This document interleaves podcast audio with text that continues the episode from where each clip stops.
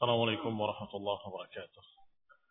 إن الحمد لله نحمده ونستعينه ونستغفره ونعوذ بالله من شرور أنفسنا ومن سيئات أعمالنا من يهده الله فلا مضل له ومن يضلل فلا هادي له وأشهد أن لا إله إلا الله وحده لا شريك له وأشهد أن محمدا عبده ورسوله صلى الله عليه وعلى آله وأصحابه والتابعين وتابع التابعين ومن تبعهم بإحسان إلى يوم الدين.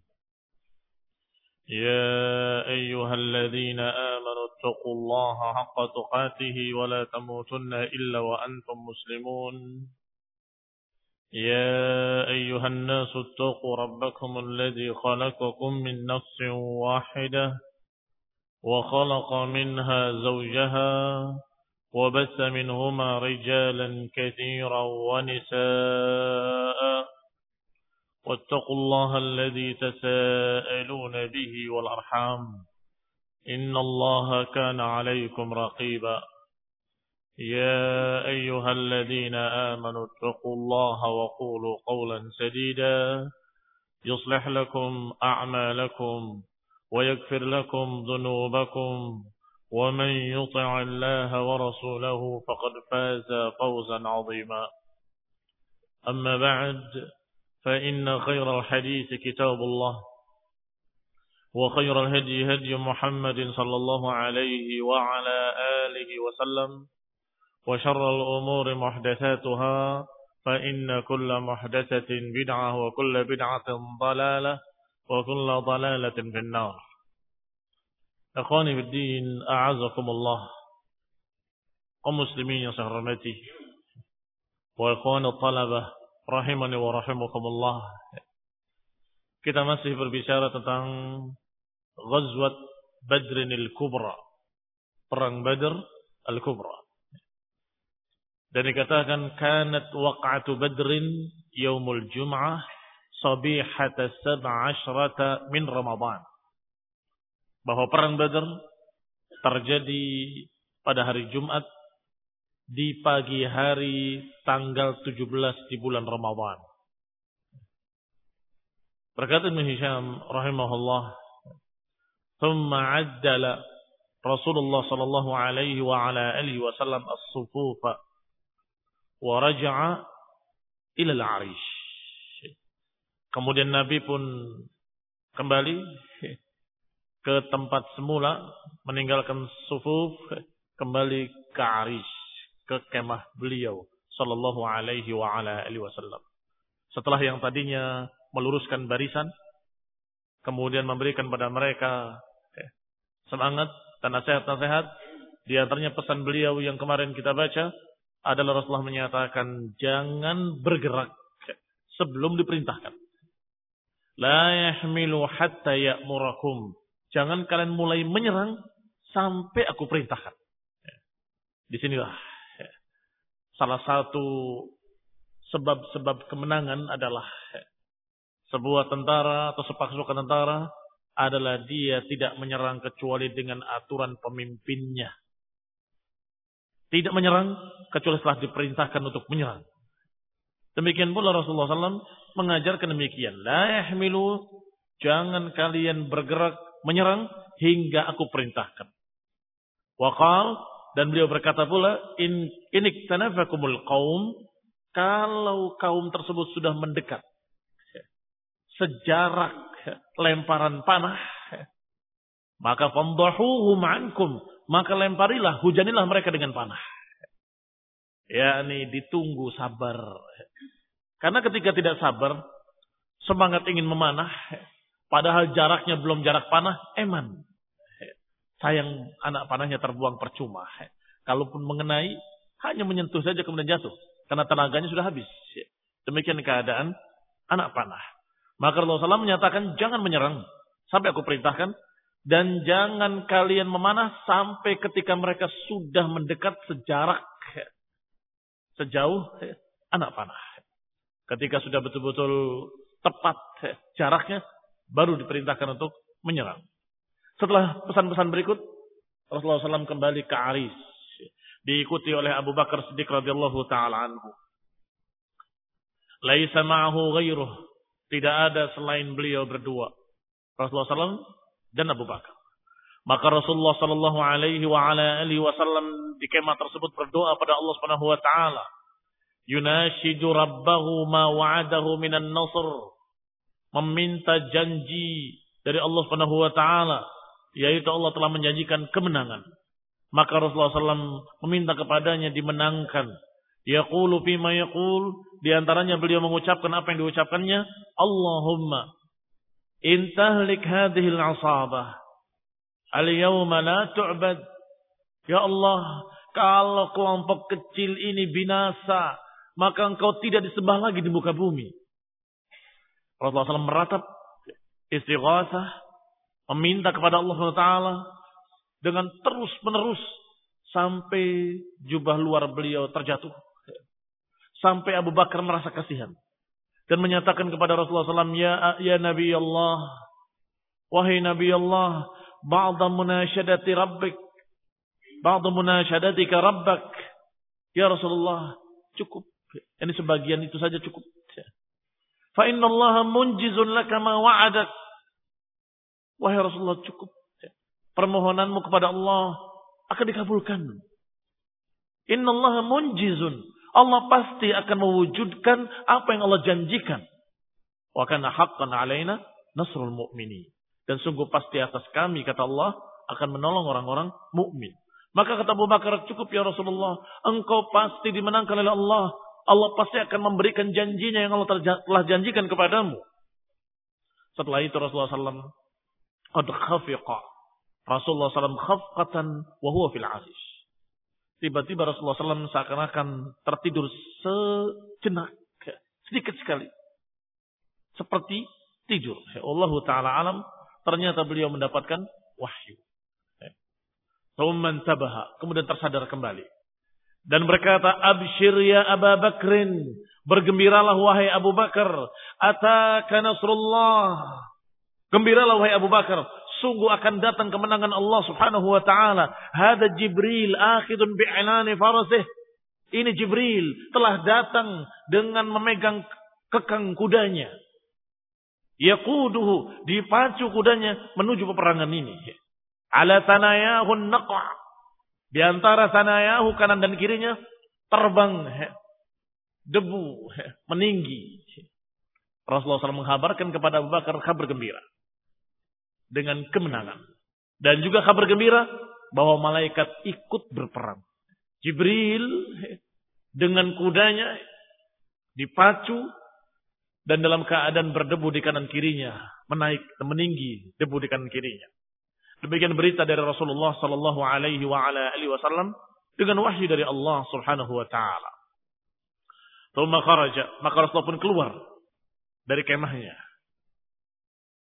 Saya sebut kemah, tetapi dia adalah arish. Bukan kemah yang seperti kalian bayangkan. Kemah yang satu sisi saja. Tertutup, tapi depannya terbuka. Kayak apa itu? Podium ya? Podium kalau kalau ada upacara kemudian di tempat tertentu ada atapnya saja.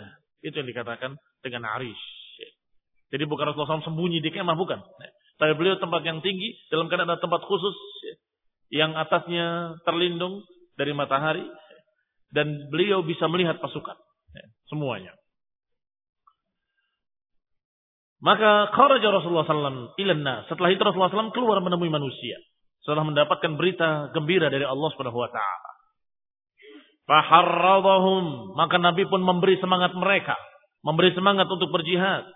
Dan ini perintah Allah Subhanahu wa taala ya ayuhan nabi, harridil mu'minina 'alal qital. Perintah Allah kepada nabinya, harridil mu'minina 'alal qital. Wahai nabi, berilah semangat kaum mukminin untuk berperang. Berarti tahrid alal qital adalah perintah Allah kepada nabinya dan perintah Allah kepada mereka-mereka yang memimpin pasukan dan mereka-mereka para penguasa ketika berjihad fi sabilillah diperintahkan untuk harridul mu'minina alal qital. Maka Nabi pun melaksanakan perintah Allah Dan kemudian berdiri di hadapan pasukan.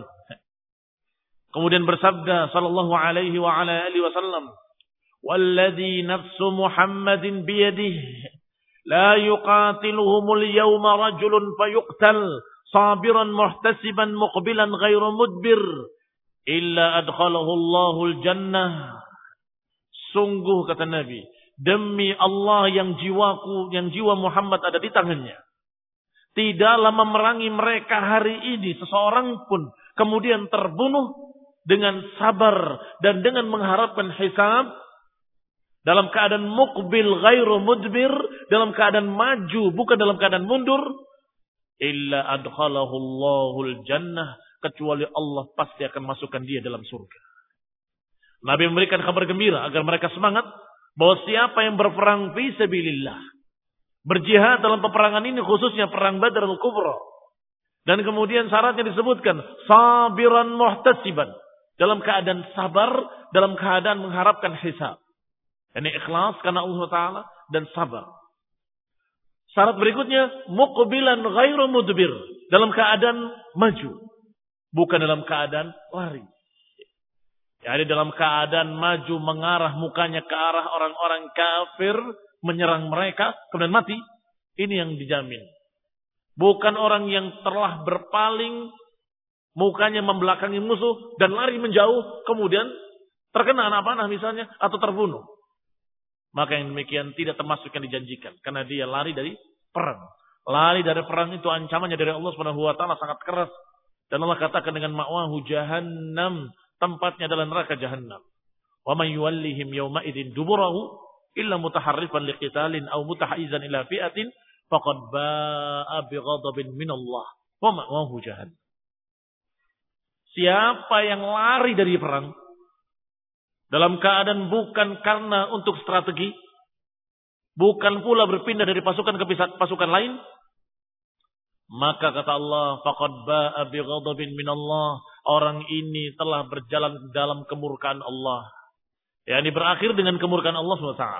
Wa ma'wahu jahannam. Dan tempatnya adalah neraka jahannam. Maka Nabi beritakan kabar gembira kepada mereka yang bukan lari. Tetapi mereka yang mukbil ghairu mudbir. Yang maju, bukan mundur, bukan lari. Ikhwan ibn kaum saya hormati. Ketika Rasulullah SAW berkata seperti itu, ada seorang sahabat yang mulia yang bernama Umair ibn al-Humam. Dari Banu Salamah. Di tangannya ada kurma yang sedang dia makan. Kemudian ketika dia mendengarkan kalimat-kalimat Rasulullah SAW, dia menyatakan bakhin, bakhin, bah, bah. Ya, ini kagum. Bakin-bakin maknanya seperti kata-kata kalian. Tidaklah antara aku dengan surga. Kecuali kalau aku terbunuh dengan mereka. Bah, bah, kata dia. Bakin, bakin. Apa ma baini wa baina an adkhulal jannah illa an yaktulani haula? Apakah antara aku dengan surga hanya kalau mereka membunuhku? Kalau begitu, Aku memakan korma ini terlalu lama. Dia buang kormanya. Terlalu lama kalau mau nunggu ini. Pengen masuk surga, nunggu makan korma dulu terlalu lama. Dia tinggalkan kormanya dan kemudian dia ambil pedangnya dan kemudian berangkat berperang fisabilillah hatta kutila hingga terbunuh radhiyallahu taala anhu. Ikhwan ibn a'azakumullah muslim yang. Demikian mereka mendengarkan ucapan dari Rasulullah SAW Yakin mereka. Langsung mereka yakin bahwa ini adalah hak ucapan dari seorang Rasul. Pasti wahyu dari Allah subhanahu wa ta'ala. Thumma inna Rasulullah sallallahu alaihi wa ala alihi wasallam akhadha hafnatan minal hasba'i fastaqbala Quraisyan. Kemudian Nabi SAW mengambil segenggam pasir.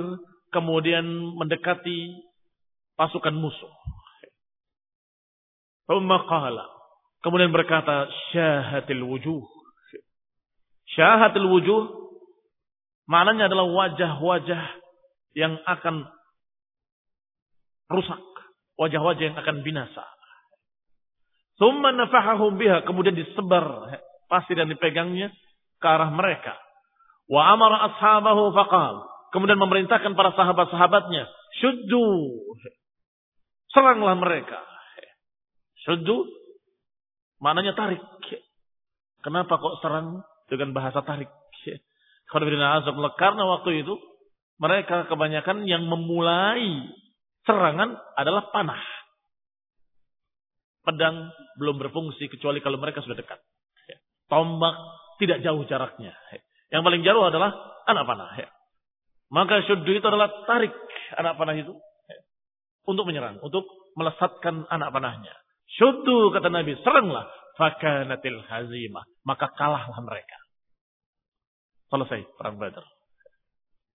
Azakumullah kaum muslimin mati demikian ya. disebutkan oleh beliau secara ringkas bahwasanya ketika Rasulullah SAW berdoa dan memberikan tahrik pada mereka untuk semangat sampai kemudian Rasulullah SAW menebarkan pasir pada mereka sampai menyatakan syuddu fakanatil hazimah maka kalahlah mereka faqatalallahu man faqatalallahu man qutila min sanadidi Quraisy maka Allah pun membunuh orang-orang yang memang sudah terbunuh ketika itu dengan takdir Allah min di Quraisy dari tokoh-tokoh Quraisy. Wa usira man usira min asrafihim dan juga ada yang tertawan dari kalangan mereka para tokoh-tokoh mereka. Maka mereka dalam keadaan kalah, dalam keadaan sebagian mereka terbunuh, bahkan tokoh-tokohnya, dan sebagian mereka ditawan. Ikhwan ibn a'azakumullah di antara yang terbunuh adalah Abu Jahal, Ibn Hisham. Tetapi di sana dalam pasukan Quraisy ada beberapa orang-orang yang dipaksa untuk berangkat berperang. Padahal hati mereka tidak ingin berperang. Wala hajata. Dan juga tidak butuh untuk memerangi kaum muslimin. Maka dipesankan oleh Rasulullah SAW kepada mereka. Sebagaimana dikisahkan di sini oleh Ibn Abbas radhiyallahu taala anhuma bahwa Nabi Shallallahu alaihi wasallam ketika itu berpesan, "Inni araftu anna rijalan min Bani Hashim wa ghairuhum qad ukhriju karha."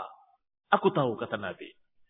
Ada beberapa orang di sana dari kalangan Bani Hashim dan lainnya yang mereka dipaksa untuk keluar berperang karhan padahal mereka dalam keadaan tidak suka. La hajata lahum biqitalihim atau biqitalina yang mereka tidak butuh untuk memerangi kita.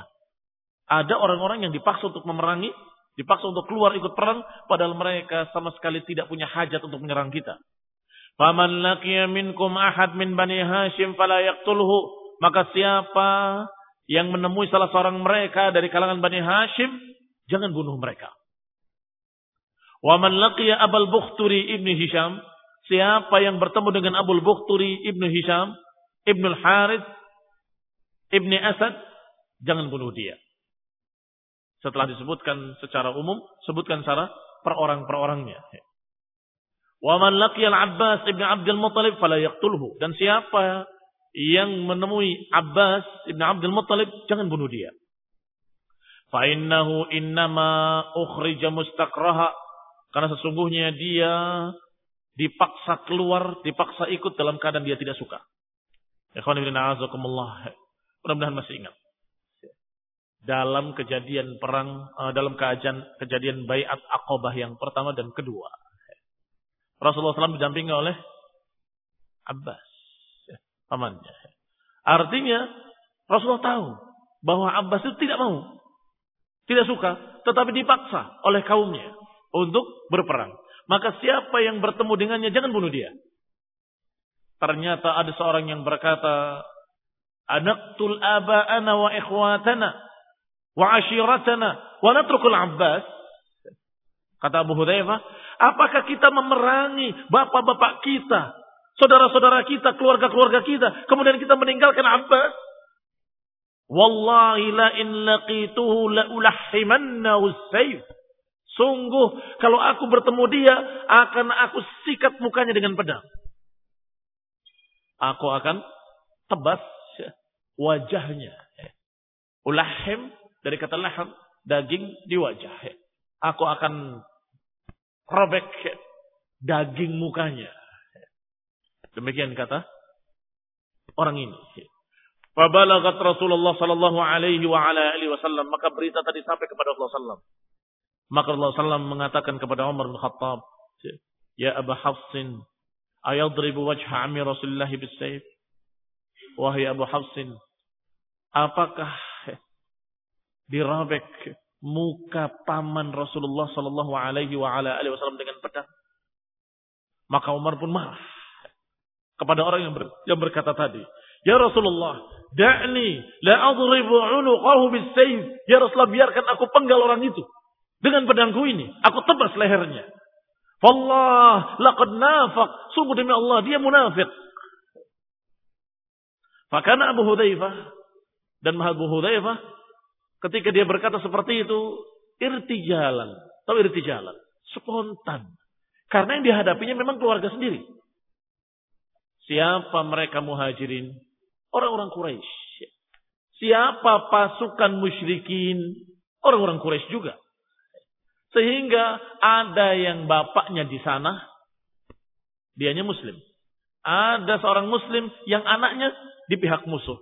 Ada seorang muslim yang pamannya di pihak musuh. Ada kaum muslimin yang saudaranya, kakaknya, adanya di pihak musuh. Bahkan Abu Bakar Siddiq radhiyallahu taala anhu. Anaknya ada di pihak musuh. Sampai ketika terlihat anaknya, Abu Bakar semangat ingin memenggal anaknya. Artinya perang ini antara muslimin dengan musyrikin Quraisy. Sedangkan separuh dari muslimin adalah orang-orang Quraisy. Yang berarti mereka kerabat-kerabatnya sendiri. Sehingga orang tadi spontan berkata. Spontan menyatakan, kita memerangi bapak-bapak kita sendiri, anak-anak kita sendiri. Kemudian Abbas dibiarkan dan beliau menyesal. Radhiyallahu taala anhu. Beliau menyesal dengan ucapannya itu. Menyesal, menyesal sampai dia berkata, Wallahi. Kata beliau, kata Abu Hudayfa, Ma ana bi amin min tilkal kalimah alati qultu yawma idin. Sungguh aku terus tidak merasa aman dengan ucapanku waktu itu. Merasa gelisah terus. Tidak merasa aman. Wala azalu minha khaifan. Dan aku terus takut Khawatir Allah menimpakan azabnya, Allah menyesatkannya atau menjadi munafik atau terusnya atau seterusnya. Khawatir dia. Wallah la azalu minha khaifan illa an tukafiraha ala anni syahadah. Sungguh aku akan terus khawatir dan aku terus gelisah sampai aku bisa menebusnya. Dengan apa? Kata beliau, sampai aku bisa menebusnya dengan syahid. Maka beliau semangat berjihad fisabilillah terus menerus ingin mendapatkan syahid agar bisa menebus ucapan dia yang tadi. Yang seakan-akan menentang Rasulullah SAW. Padahal dia mengatakan dengan spontanitas saja. Bahwasanya kita mengeluargi keluarga sendiri. Kenapa kok Abbas dibiarkan? Tidak boleh dibunuh. Ternyata beliau menyesal, menyesal. Sampai dia menyatakan, sungguh aku terus gelisah. Dan aku merasa takut dengan ucapanku itu sampai aku bisa menebusnya dengan syahid.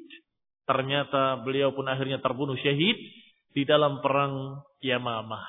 Dalam perang Yamamah. Apa itu perang Yamamah? Perang melawan Musailamah Al-Kadzab dengan pasukannya. Musailamah yang mengaku nabi dengan bala tentaranya. Tentunya setelah wafat Rasulullah sallallahu alaihi wa ala alihi wasallam. Faqutila yaumal Yamamah syahidan maka beliau pun terbunuh di hari Yamamah dalam keadaan syahid. Radhiyallahu taala anhu. Walam tuqatilul malaikatu fi yaumin siwa badrin minal ayyam. Dan tidak berperang malaikat di satu hari pun selain perang Badr itu. Wa kanu yakununa fi ma siwahu minal ayyami adadan wa madada. Wa kanu yakununa fi fi ma siwahu sedangkan di hari-hari lainnya terjadi padanya adadan wa madada. Adad jumlah madad perlengkapan. Artinya Allah Subhanahu wa taala mengerahkan para malaikat waktu itu dengan malaikat murdifin. Karena jumlah kaum muslimin cuma 300, persenjataannya tidak lengkap. Sedangkan musyrikin 1000, bahkan bisa lebih. Per, persenjataannya lengkap. Maka Allah Subhanahu wa taala dengan keadilannya menurunkan para malaikat. Sedangkan pada perang-perang lainnya Allah Subhanahu wa taala memberikan kepada kaum muslimin adadan wa madada. Allah berikan jumlah dan Allah berikan pula perlengkapan. Bahkan ikhwan ibn azakumullah sekian banyak peperangan kaum muslimin besar jumlahnya. Khususnya perang Hunain. wa yawma Hunain id a'jabatkum kathratukum falan tughni 'ankum syai'a dan hari Hunain ketika kalian berbangga dengan jumlah kalian ternyata banyaknya jumlah itu tidak membantu kalian ikhwan a'azakumullah muslimin saya hormati banyaknya jumlah tidak menjadi ukuran satu kelompok akan menang. Wa kam min fi'atin qalilatin ghalabat fi'atan katsiratan biidznillah. Betapa banyak pasukan yang kecil tetapi memenangkan dan mengalahkan pasukan yang besar. Biidznillah dengan izin Allah SWT.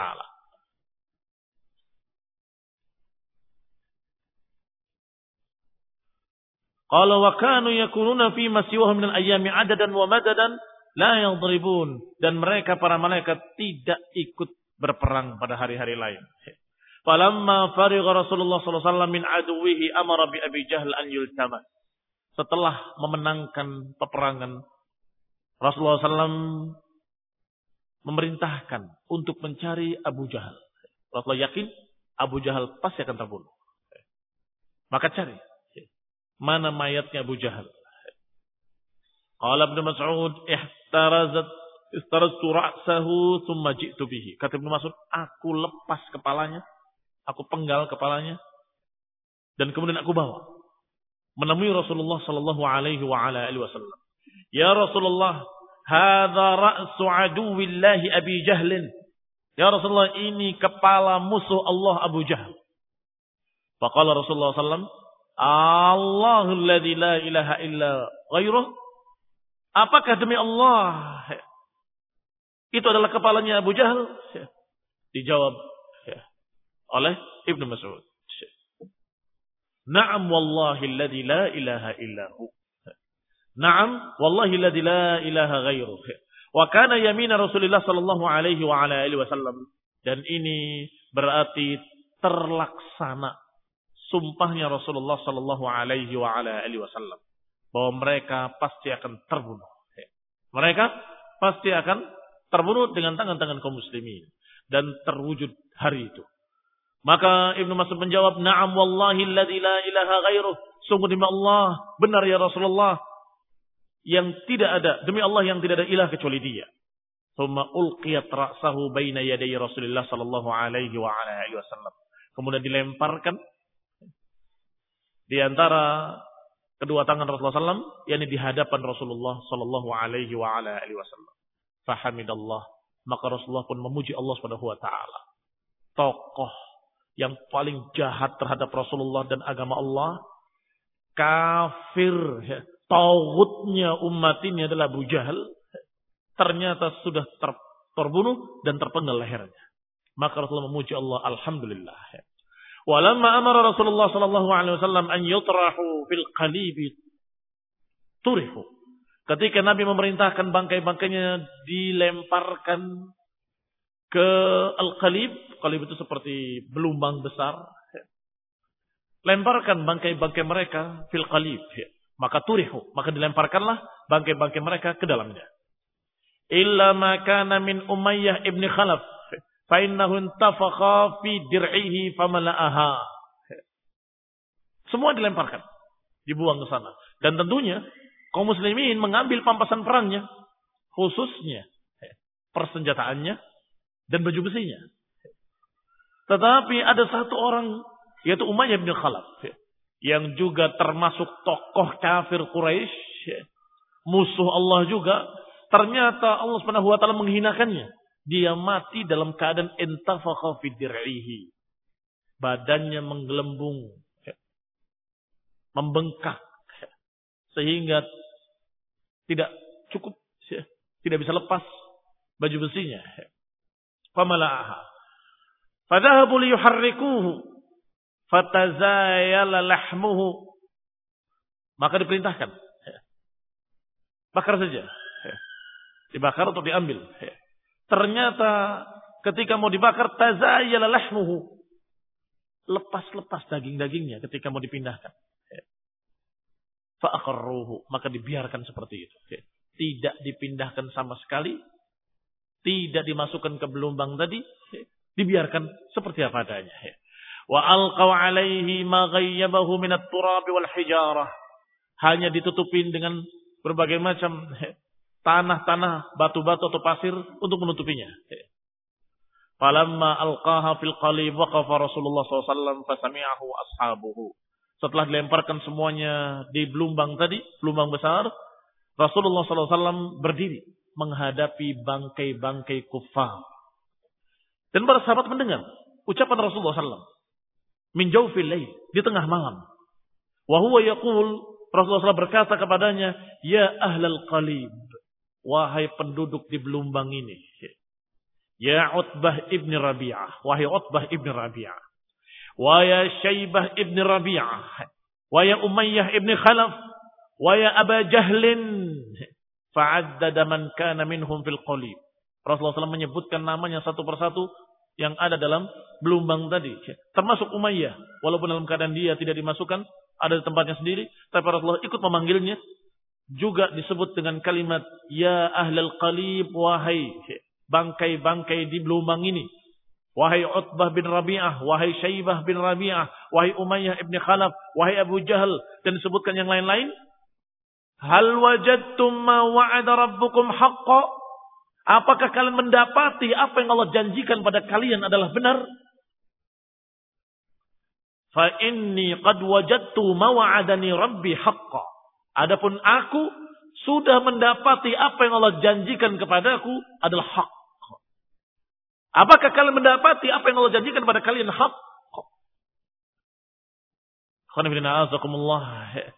Ini namanya takbih. Takbih artinya menjelekkan mereka, mengejek mereka. Kami sudah mendapati janji Allah kepada kami hak. Yaitu janji untuk dimenangkan janji untuk dibela, janji untuk diberikan oleh Allah SWT pertolongan dan kemenangan. Kami dapati ternyata janji Allah hak. Sekarang kalian akan mendapati apa yang Allah janjikan atas kalian. Janji Allah atas orang-orang kafir adalah azab. Janji Allah atas orang kafir adalah siksaan fil qabr dan juga siksaan nanti yaumul qiyamah. Siksaan yang terus menerus di alam barzah dan di alam akhirah. Hal wajadtum ma wa'ada rabbukum haqqa? Wahai bangkai-bangkai kafir, apakah kalian mendapati apa yang Allah janjikan pada kalian adalah hak? Pasti mereka akan merasa. Iya kan? Pasti mereka akan merasa bahwa ternyata benar apa yang Allah ancamkan. Ternyata benar apa yang Allah janjikan.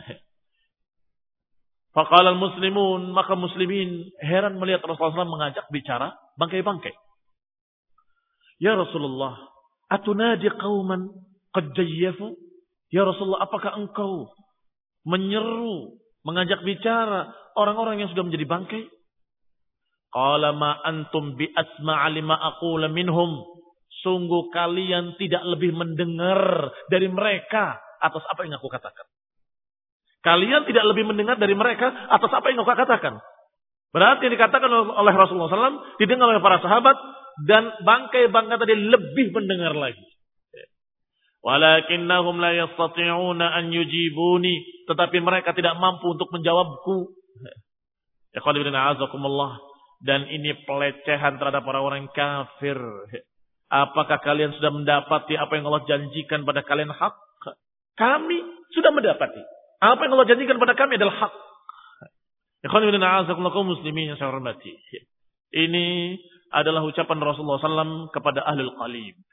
Tetapi ini tidak bisa dijadikan dalil bahwa mayat-mayat itu bisa mendengar orang hidup. Tidak bisa dijadikan dalil. Sebab ini adalah kasus. Berarti dikata para ulama saat itu Allah takdirkan mereka bisa mendengar ucapan Rasulullah Sallallahu Alaihi Wasallam. Kenapa para ulama menyatakan demikian saat itu saja? Karena hadis ayat-ayat yang sangat jelas sudah menyatakan. Ya. Wa ma anta bimusmi'in man fil kubur. Engkau tidak akan bisa memperdengarkan ucapan kepada orang yang dikubur. Ini Al-Quran. Ya. Dan juga dikatakan, La tusmi'ul mauta. Engkau tidak akan bisa memperdengarkan ucapan pada mauta, pada orang-orang mati. Berarti orang mati, La tasma' Tidak akan mendengar. Tidak akan bisa mendengar ucapan orang hidup. Kecuali. ketika kasus ini fil qalib di Badr ketika Rasulullah SAW mengajak bicara mereka kata Rasulullah SAW saat ini dalam riwayat ini disebutkan saat ini al-an mereka sekarang ini lebih mendengar dari kalian kata Rasulullah. Kalimat saat ini dalam beberapa riwayat menunjukkan kalau itu adalah kasuistik sifatnya hanya saat itu saja. Adapun selain saat itu hukum asalnya mayit tidak mendengar. Demikian pula yang kedua, mereka mendengar kalau disampaikan. Sebagaimana dalam hadis yang sahih Rasulullah menyatakan inna lillahi malaikatan tayyahun. Sesungguhnya Allah memiliki malaikat-malaikat yang berkeliling. Tidak ada seorang pun yang memberikan salam kecuali malaikat tadi akan menyampaikannya kepada Rasulullah Shallallahu Alaihi Wasallam. Disampaikan, bukan mendengar langsung, tapi disampaikan. Innalillahi malaikatan sayyahin. Sesungguhnya Allah memiliki malaikat yang berkeliling yang tidak ada seorang pun yang memberi salam beri salawat kecuali akan disampaikan kepadanya. Demikian pula salam kita kepada ahli kubur. Assalamualaikum ya ahli diyar. Untuk apa salam kepada ahli kubur kalau mereka tidak mendengar? Akan disampaikan oleh malaikat sayyahin tadi kepada ahli kubur. Bahwa si memberi salam pada kalian. Saya hormati. Sehingga hukum asalnya apa yang disebutkan dalam ayat wa ma anta man fil kubur. Engkau tidak akan bisa membuat orang yang dikubur mendengar. Baik.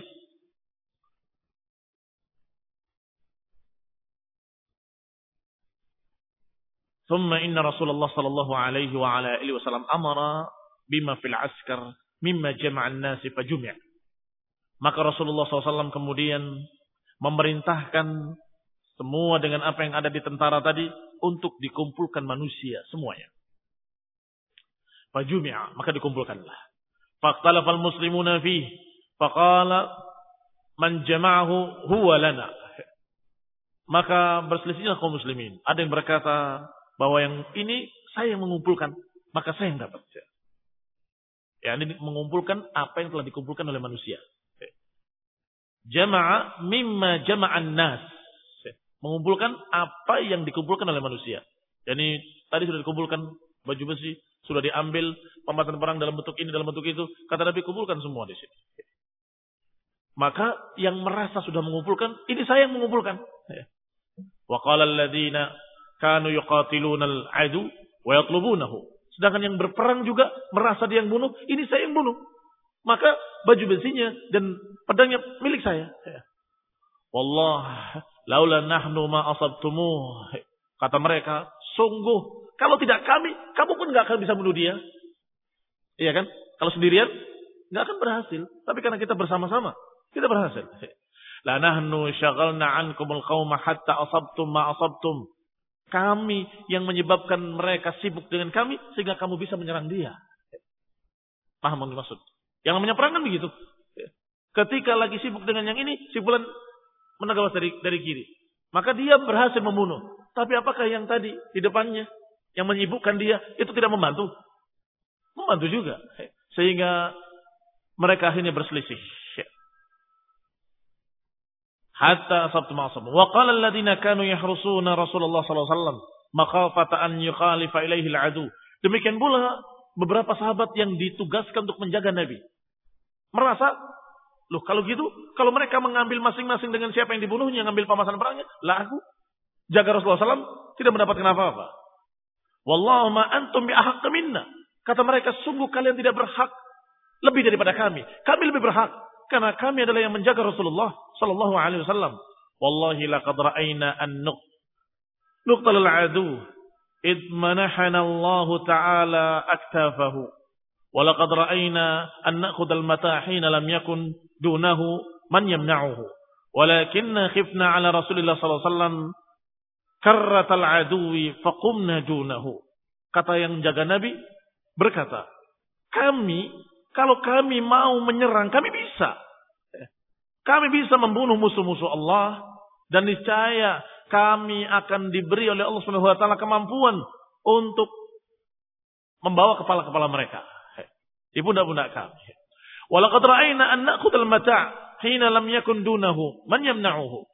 Demikian pula aku bisa mengambil pemasan-pemasan perang tadi sebelum kalian. Tetapi karena kami ditugaskan menjaga Nabi, Maka kami khawatir kalau kami tinggal, musuh akan berputar dan akan menyerang Rasulullah SAW. Fama antum bihaqi maka kalian tidak berhak dari kepada kami. Thumma ba'asa Rasulullah SAW indal fathi Abdullah ibn Rawaha bashiran ila ahli al-aliyah bima fataha Allah azza wa jal ala rasulih sallallahu alaihi wa ala alihi wa sallam wa ala al-muslimin wa ba'asa Zaid ibn Harithah ila ahli Salifah thumma aqbala qafilan ila al-Madinah wa ma'ahu al-asra min al-Mushrikin wa fihim Uqbah ibn Abi Mu'ayyid. Ketika dikumpulkan semua tambasan perang tadi dengan perintah Rasulullah SAW, maka itulah yang adil yang Allah Subhanahu wa taala turunkan dalam surat Al-Anfal. Nama ghanimtum apa yang kalian ambil dari pampasan perang falillahi khumusahu oleh Rasul Seperlimanya untuk Nabi, untuk Rasul dan seterusnya baru sisanya dibagikan kepada para mujahidin oleh Rasulullah SAW sendiri. Ikhwan bin Adapun sahabat-sahabat yang mulia, mereka adalah orang-orang yang mujahidin fi sabilillah. Apa kata Allah, apa kata Rasulnya sami'na wa ata'na. Sehingga perselisihan mereka mudah diselesaikan mudah diselesaikan. Beda dengan mereka-mereka yang tidak tunduk pada qala Allah wa qala Rasul. Sudah ribut, ngotot, disampaikan keputusan. Qala Allah, qala Rasul. Ini aturannya, ini hukum-hukumnya. Ya tapi masih dibantah. Yang begini susah diselesaikan. Tapi para sahabat Alhamdulillah nggak ada masalah besar. Apalagi masalah harta, masalah pemasan perang. Bahkan di antara mereka ada yang tidak tahu menau. Sama sekali. Ketika dihantarkan, ini milikmu. Milik apa maksudnya? Ini harta pampasan perang jatahmu atau bagianmu. Dia heran. Sungguh demi Allah sampaikan kepada beliau. Aku berjihad karena ingin pelipisku ini terkena anak panah sehingga aku syahid. Sampaikan kepada Rasulullah, ya Rasulullah, dia menjawab begini dan begitu. Kata Nabi, kalau jujur dari hatinya, mudah-mudahan Allah kasih. Allah kasih syahadah. Dan ketika perang terjadi kembali, benar-benar dia terbunuh persis di pelipisnya. Ya, terkena anak panah. Tentunya kasus-kasus yang demikian apa-apa yang merupakan perselisihan-perselisihan kecil di kalangan para sahabat itu akan selesai dengan qala Allah wa qala Rasul. Itu kehebatan umat pertama. Kehebatan generasi pertama radhiyallahu taala anhum ajma'in. Kita lanjutkan insyaallah pada kajian mendatang باذن taala. Subhanakallah bihamdik asyhadu an la ilaha illa anta astaghfiruka wa atubu ilaik. Assalamualaikum warahmatullahi wabarakatuh.